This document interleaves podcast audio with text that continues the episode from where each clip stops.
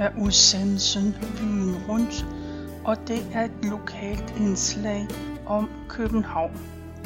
Mit navn er Tove Christensen, og jeg har været på Københavns Stadsarkivs hjemmeside, og der har jeg under erindringer fundet noget Inger Eriksen har skrevet. Hun er født i marts 1937 og hun har valgt at fortælle om årene fra 1937 til 47, for det var starten på hendes liv.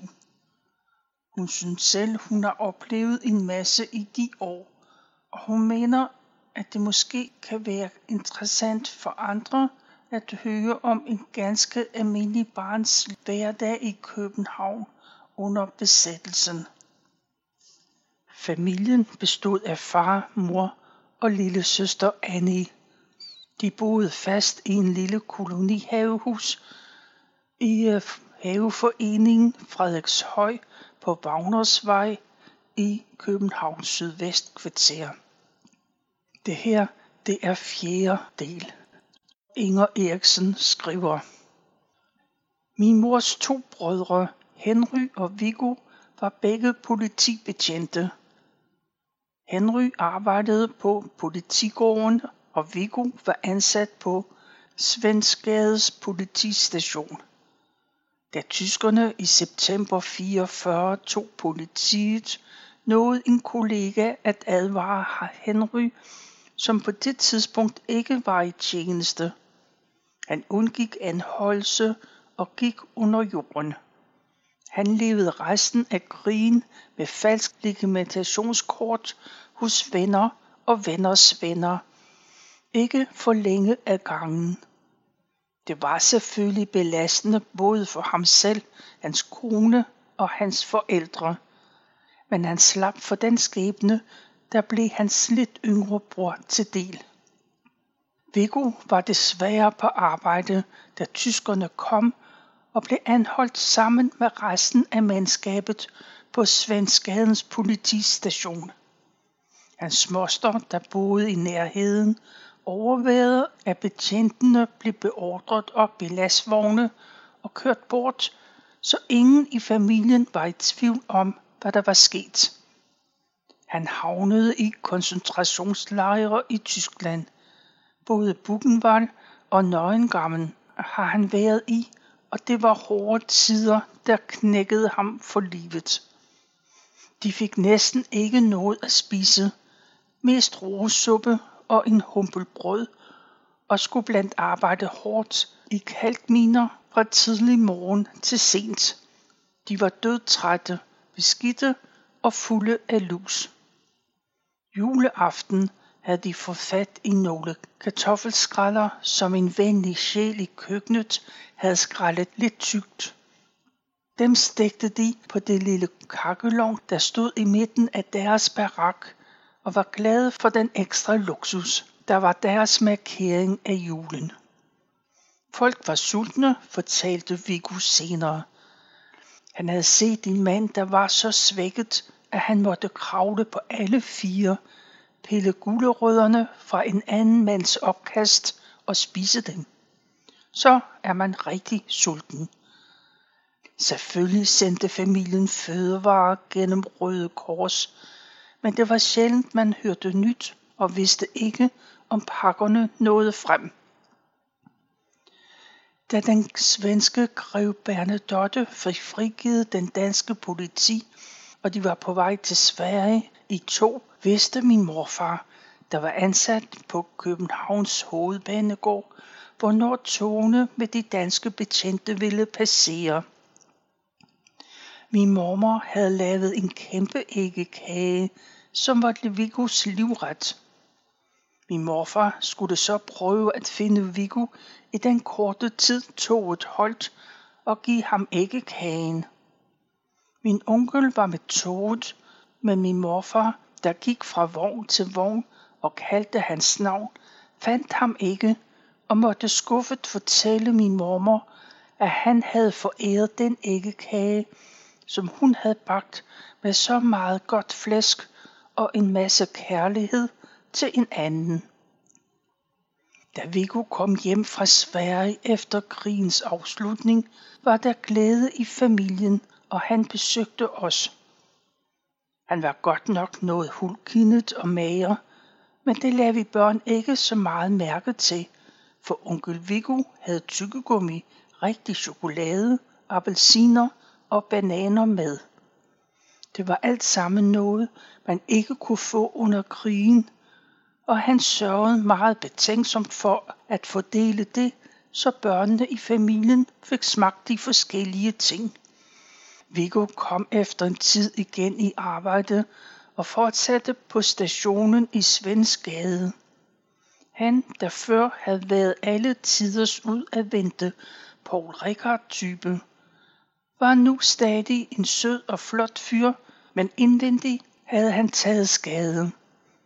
Han var tit syg og havde fået mavesår på grund af den sult, han havde været udsat for, og blev også psykisk en anden. Han kunne ikke glemme alle de menneskelige tragedier, han havde været vidne til, og lukkede sig inde i sig selv. Både under og lang tid efter krigen var der en masse ting, man ikke kunne få. For uden fødevarer også en masse andet, blandt andet tøj. Herretøj blev syet af selvuld, som var noget forfærdeligt slasket stof. Jeg ved ikke, hvad det var lavet af. Men kom man til at give pressefolderne bare den mindste smule for meget varme med strygejernet, krympede stoffet sammen i bitte små placerer, og de var ikke til at rette ud igen. Bukserne var fuldstændig ubrugelige.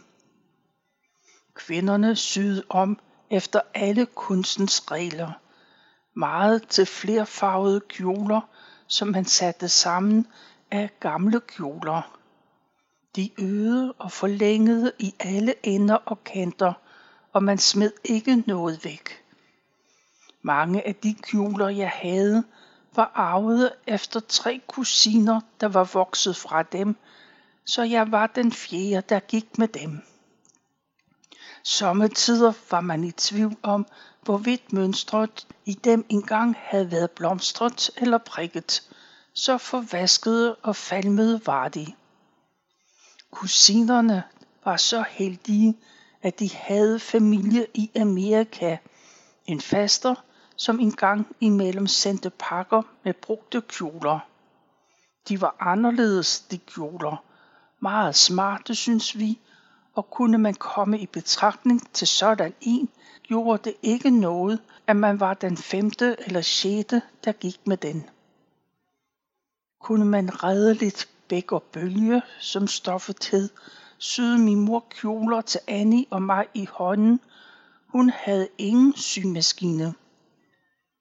Strømper havde vi to par af hver, og ikke meget undertøj.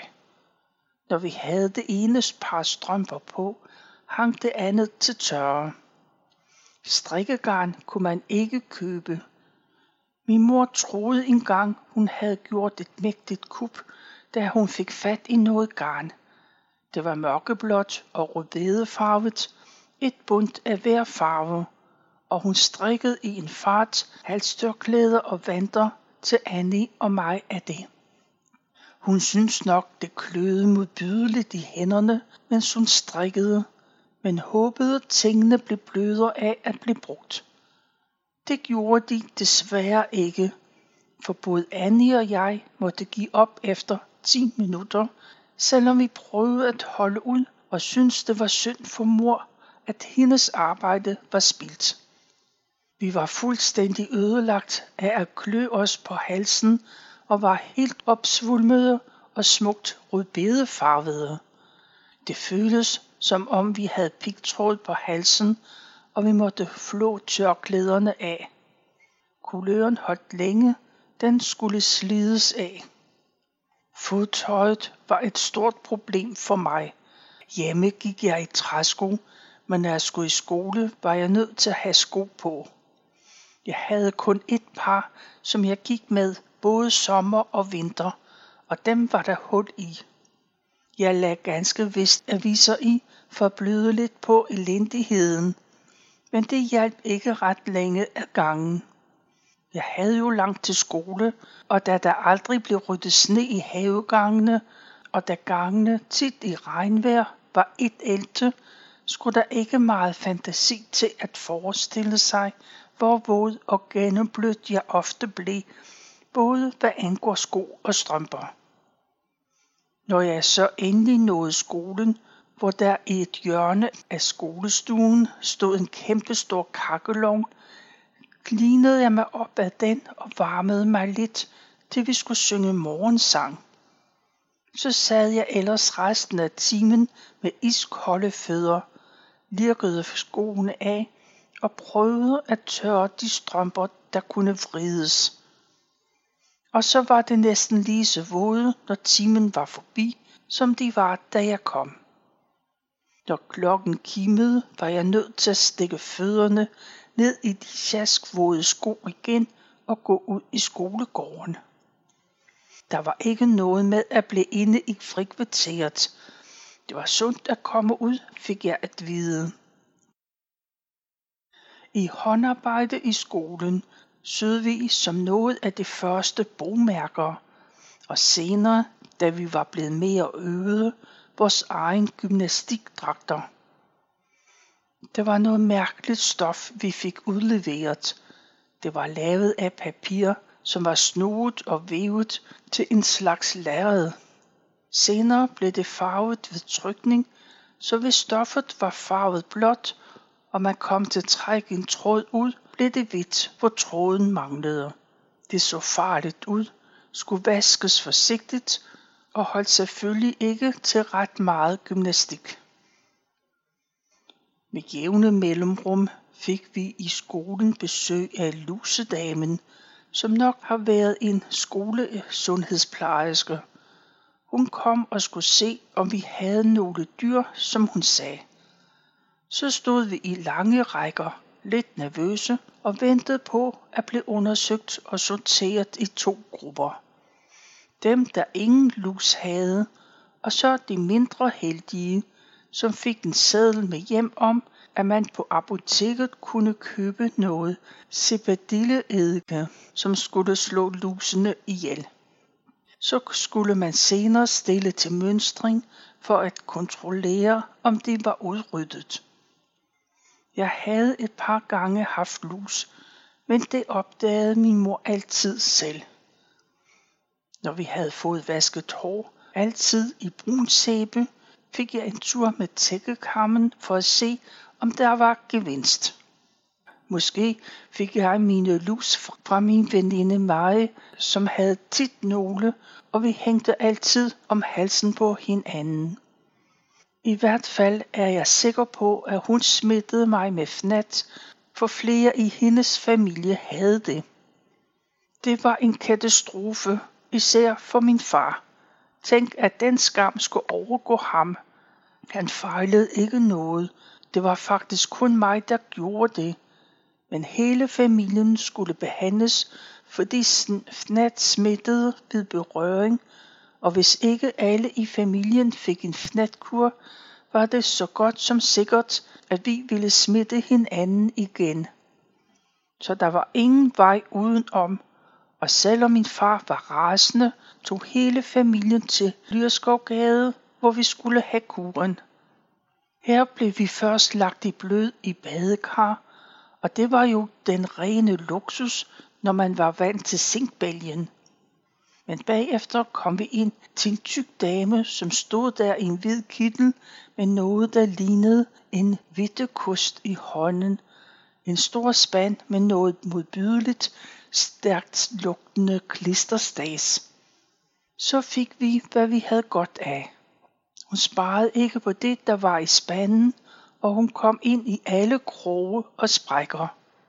Klistret skulle sidde og virke til dagen efter, så vi blev rullet ind i et hvidt grejpapir over det hele, undtagen i hovedet. Så var vi færdige og kunne tage vores ældste tøj på, for det skulle være lige til at smide ud bagefter, havde vi fået at vide. Egentlig havde vi tænkt at gå hjem, men vi var godt trætte efter den omgang, så vi tog en linje 3, da den kom. Og selvom vi stod i frisk luft på bagperronen hele vejen, rosede vi sådan, at enhver, der kom op i sporvognen og vidste bare lidt om fnatlure, godt kunne regne ud, hvor vi havde været henne. Jeg har altid elsket at læse, og fra jeg overhovedet kunne stave mig igennem en tekst, lånte jeg romanblade og tempo af Maris ældste søstre. Det har nok ikke været med deres vidne, for lånet gik igennem mig. Men min kritiske sand må have været rigeligt, for jeg havde ikke læst ret mange romanblade, før jeg blev ked af dem, og synes de alle sammen handlede om det samme.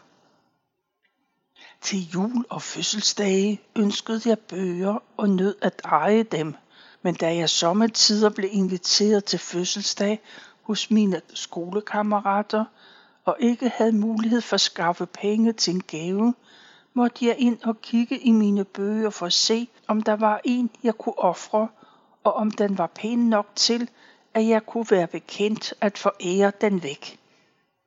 Så blev den pakket pænt ind i brunt papir, inden den blev afleveret. Men jeg var lidt ked af, at det var nødvendigt at gøre indhug i de få bøger, jeg havde. I det hele taget manglede der mange ting i mit hjem, som nok var en selvfølge, at man havde i de fleste andre steder. For eksempel tandpasta, som jeg ikke kan huske, jeg nogensinde har set hjemme, mens jeg boede i Frederikshøj. Vi brugte i stedet palmolivsæbe. Jeg tror ikke, det var særlig sundt eller effektivt, og jeg bryder mig bestemt ikke om smagen af sæben. Jeg kan stadig huske, hvordan det smager.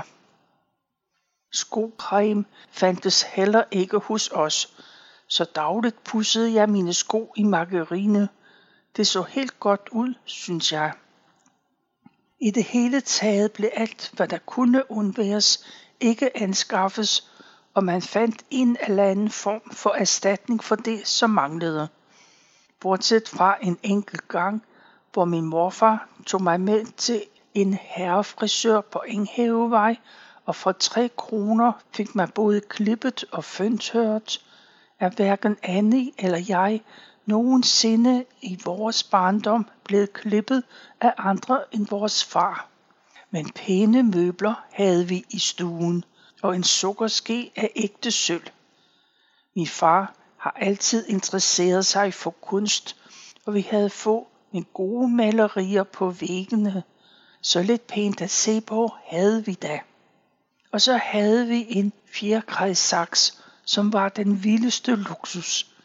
Jeg kender ingen anden, som havde sådan en, så måske stod det ikke så dårligt til endda, tænkte jeg.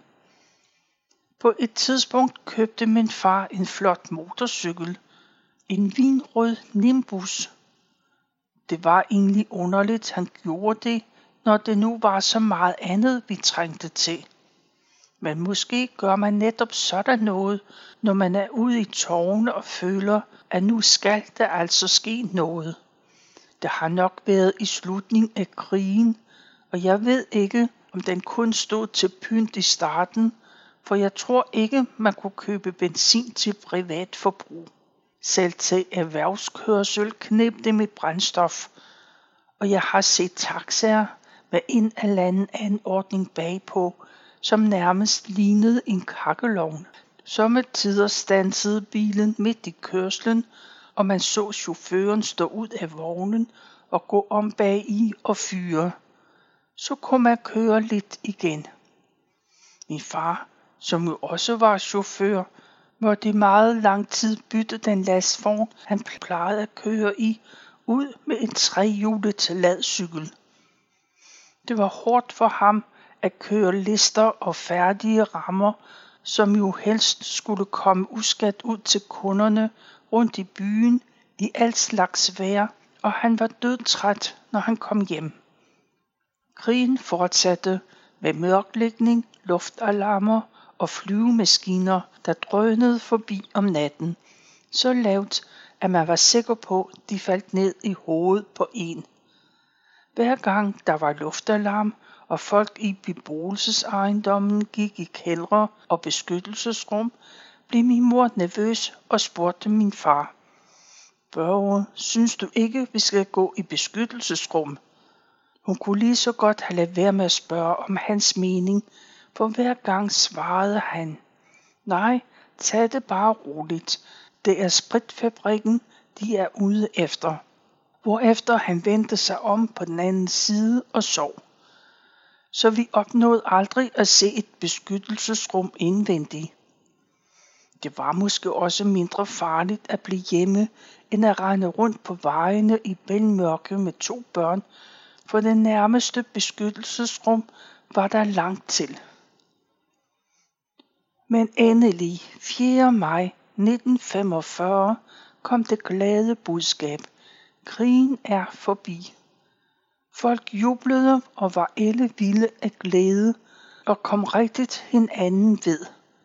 Man festede med det, man havde, og folk klatrede op på taget af de overfyldte sporvogne, viftede med Dannebrogs flag og sang og skrålede.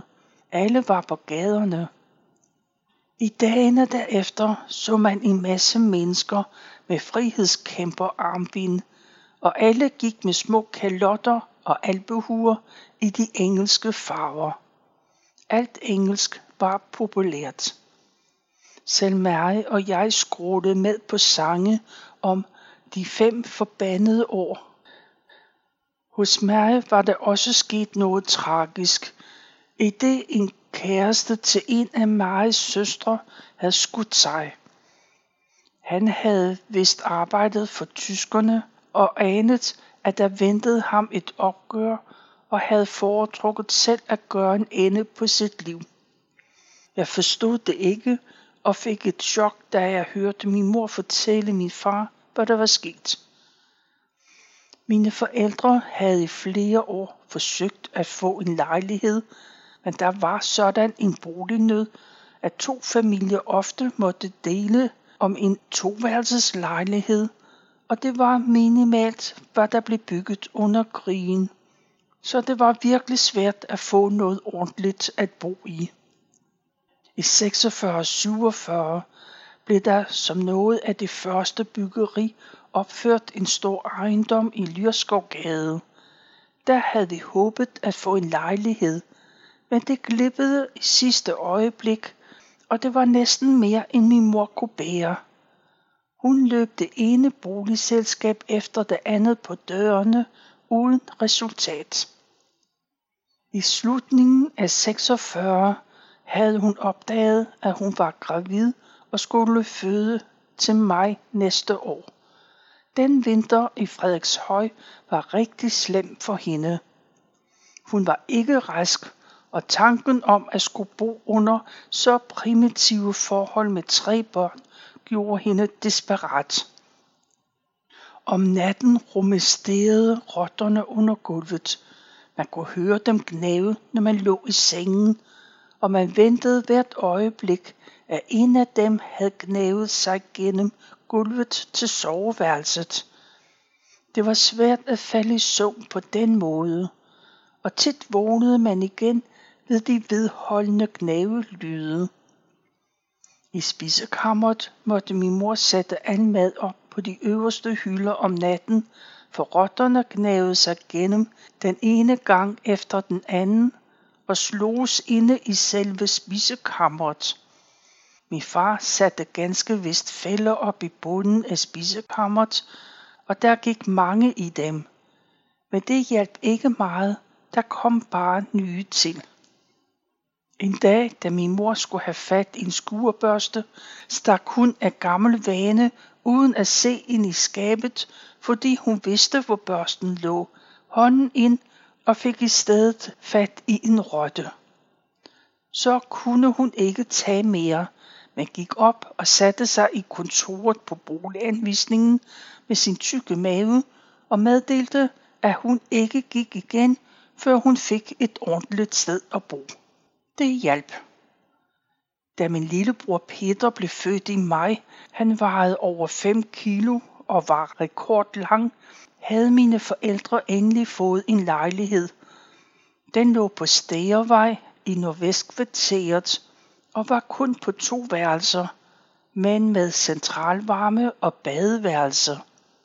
Badeværelset bestod af toilet og et håndvask. Men tænk at kunne være i en rum, når man skulle vaske sig.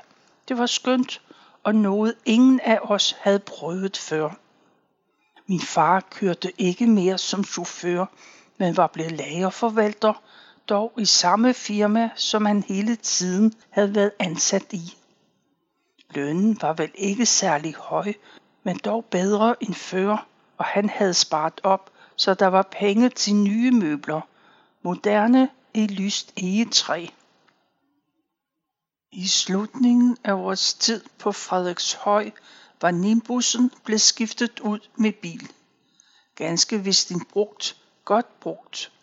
En Ford Eiffel med nummerplade K6515, og den var jo noget mere anvendelig for en familie på fem end en motorcykel. Det var ret ualmindeligt dengang, at man havde bil, men min søster og jeg var nu ikke særlig imponerede. Vi ville meget hellere have haft en cykel, som andre børn havde. Det var nu også meget anstrengende at betjene den bil.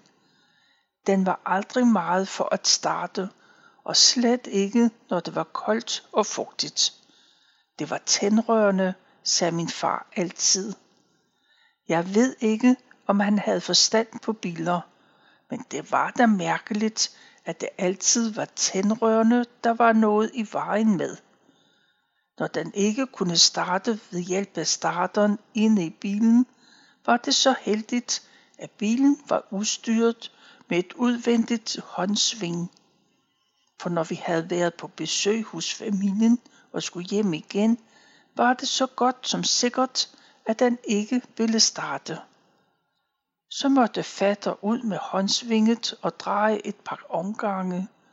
Sommetider slog den igen, og min far hylede så højt, at vi sad inde i bilen og var helt flove over ham, når nogen gik forbi og hørte ham bande. Min mor måtte tit hjælpe med at træde på speederen i det rette øjeblik men hun var ikke særlig god til at finde det rigtige øjeblik, så hun havde, når hun var nødt til at hjælpe. Annie og jeg var heller ikke vilde med at køre, for selvom vi sad på bagsædet, havde vi også vores arbejde at passe.